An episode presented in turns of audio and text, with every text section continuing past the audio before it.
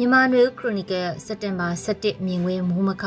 တရားဥပဒေစိုးမိုးမှုပိုပြီးပြည့်ရင်းလာတဲ့မြန်မာနိုင်ငံလို့အမည်ရတဲ့မိုးမခဆောင်းပါဖြစ်ပါတယ်။ဒီနေ့သတင်းတွေထဲမှာပါရှိရဲ့ဖြစ်ပျက်တဲ့လူရက်မှုအဖြစ်ပြက်နှစ်ခုမှာတစ်ခုကမုံရွာမြို့ကရွှေဆိုင်ကြီးဒီဇိုင်းကိုလက်နက်နဲ့ဝင်ပြီးရွှေပိတ်တာနဲ့ချီကြပြတိုက်ယူသွားတဲ့အဖြစ်ပြက်ဖြစ်ပြီးနောက်တစ်ခုကတော့ရန်ကုန်မြို့အင်းစိန်မြို့နယ်မှာစတိုးဆိုင်ဒီဇိုင်းကိုဝင်ပြီး ဓာတ်ထောက်ပြီးစတိုးဆိုင်ကနေရောင်းချငွေတွေကိုလူရက်သွားတဲ့သတင်းဖြစ်ပါတယ်။ဒီသတင်းတွေလိုပဲမကြာခဏဖတ်ရှုကြားသိနေရတဲ့သတင်းတွေကဗန်ဓမြတိုက်တဲ့သတင်း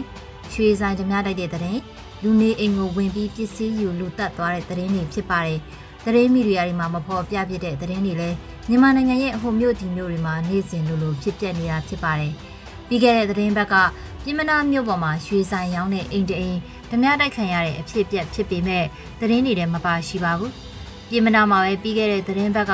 လယ်ဝေးမုံလုံးကြီးကျော်လို့ဒေတာမုံလှဲ့လေရောင်းတဲ့သူကိုဓာတ်နဲ့ထိုးတက်ပြီးမုံရောင်းချရငွေကိုယူဆောင်သွားပါတယ်။အဆိုပါအဖြစ်အပျက်တွေကဒေတာကန်တွေကြားထဲမှာပဲသိရှိကြပြီးသတင်းမီဒီယာတွေမပါရှိကြပါဘူး။အဲ့ဒီအဖြစ်အပျက်တွေမတိုင်ခင်မြစ်ကြီးနားမှာချောင်းချောင်းလဲလဲမရှိလာတဲ့မိသားစုကို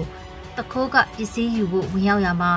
တွေ့မြင်သွားလို့အဖိုးဖြစ်သူကိုတတ်သွားတဲ့အဖြစ်အပျက်လည်းဖြစ်ခဲ့ပါသေးတယ်။မြို့တွေမှာရွှေဆိုင်တွေလို ငွေပမာဏများများဆဆလူယူရနိုင်တဲ့နေရာတွေကပြင့်ပတ်ဖြစ်လာနေပြီးမကြာခဏတနက်ဒါမှမဟုတ်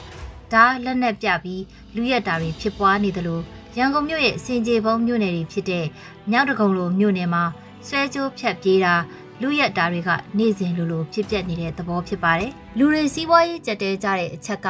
လူရက်မှုဓမြတိုက်မှုရဲ့အကြောင်းရင်းလို့ဆိုကြပေမဲ့အမှန်ကတရားဥပဒေစိုးမိုးမှုမရှိတော့တဲ့အချက်ကအဓိကအကြောင်းရင်းဖြစ်ပြီး စီးပွားရေးကြက်တဲ့အချက်ကပံ့ပိုးတဲ့အချက်ဖြစ်ပါတယ်။ဆီယနာသိမ်းမှုဖြစ်ပွားပြီးနောက်မြို့ကျေးရွာတွေရဲ့အုပ်ချုပ်ရေးကိုမအုပ်ချုပ်နိုင်အောင်နိုင်ငံရေးရတိုက်ခတ်ခြေဖြတ်လာနေတဲ့အချက်တရားဥပဒေစိုးမိုးရေးမှာအဓိကအဖွဲ့အစည်းဖြစ်တဲ့ရဲတပ်ဖွဲ့ဟာနိုင်ငံရေးရစစ်တပ်ဆန့်ကျင်သူတွေကိုနှိပ်ကွက်ရမှာစစ်တပ်နဲ့လက်တွဲပါဝင်နေတာကြောင့်ရဲနဲ့စစ်တပ်ကိုပြစ်မှတ်အဖြစ်တန်းသူထားပြီးမြို့ပြပျောက်ကြားနဲ့နေက PDF တွေက ပြစ်ခတ်တိုက်ခိုက်တာဖောက်ခွဲတိုက်ခိုက်တာလောက်ကျန်တပ်ဖြတ်တာတွေလုပ်နေကြတာကြောင့်တရားဥပဒေစိုးမိုးရေးအဖွဲ့အစည်းကသူ့ရဲ့ပင်မတာဝန်ကိုမလှုပ်ဆောင်နိုင်တော့ဘဲစစ်တပ်ကဖမ်းဆီးလာတဲ့သူတွေကိုစစ်ဆေးမေးမြန်းရတာတရားရုံးတင်ရတာမျိုးတွေကိုသာရဲတပ်ဖွဲ့ရဲ့တာဝန်အဖြစ်လှုပ်ဆောင်နေတော့တာဖြစ်ပါတယ်။ရဲစခန်းကအညိုရောင်ဝစ်ရဲတွေတွေမကပဲအဖြူရောင်ဝစ်တဲ့ရင်သိမ်းရဲတွေတောင်မြို့တွေမှာပြစ်မှတ်အဖြစ်သဘောထားလာပြီးရင်သိမ်းရဲတွေကိုပါလှုပ်ကြံတပ်ဖြတ်မှုတွေပြီးခဲ့တဲ့တစ်နှစ်ကျော်အတွင်း ရန်ကုန်စကိုင်းမန္တလေးစတဲ့မြို့တွေမှာဖြစ်ပွားခဲ့တာပါရန်ကုန်မြို့လိုမြို့ကြီးတွေမှာတော့မီးပွိုင်တွေမှာလက်စစ်မီးပြက်ချေရေလမ်းကြောင်းပိတ်ဆို့မှုတွေဖြစ်ပေမဲ့ရင်းနှီးရဲတွေလာရောက်ရှင်းလင်းတာမျိုးမရှိသလောက်ဖြစ်ပါတယ်လမ်းစုံလမ်းမကြီးတချို့မှာမီးပွိုင်မီးပြက်တဲ့အခါကားတစ်စီးနဲ့တစ်စီးအလူရက်ဖြတ်ကျော်ကြရက10မိနစ်2မိနစ်လောက်ဖြတ်ရမယ်လမ်းစုံမှာ10မိနစ်ကနေမိနစ်20လောက်ထိရှေ့တိုးမရနောက်ဆုံးမရနဲ့ပိတ်မိတဲ့အဖြစ်အပျက်တွေကြုံရလိရှိပါတယ် ဗန်ဓမြတိုက်မှုလူတက်မှုပစ္စည်းယူလူတက်မှုအနုကျန်းစည်းမှုတွေကိုစစ်ကောင်စီရဲ့ရဲတပ်ဖွဲ့အနေနဲ့မြ мян ဆန်ဆန်နဲ့ဆောင်ရွက်နိုင်ခြင်းမရှိပါဘူး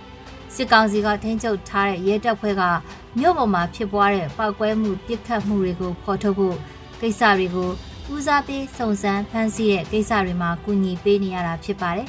အလားတူပြည်သူတွေကလည်းတော်ရုံဖြစ်ပွားတဲ့လူရဲမှုဓမြတိုက်မှုခုံးမှုတွေဖြစ်လာရင်ရဲစခန်းကိုမတိုင်ကြတော့ပါဘူး ရဲကိုအယုံကြည်မရှိတာရဲစခန်းကလည်းဒီမှုတွေအတွက်လိုက်လံဖော်ထုတ်ဖမ်းဆီးမယ်လို့မယုံကြည်တာကြောင့်မတိုင်ကြတော့တာဖြစ်ပါတယ်ဒီလိုမတိုင်ကြတော့တာကြောင့်အပြစ်ပေးအရေးမယူနိုင်တော့တာက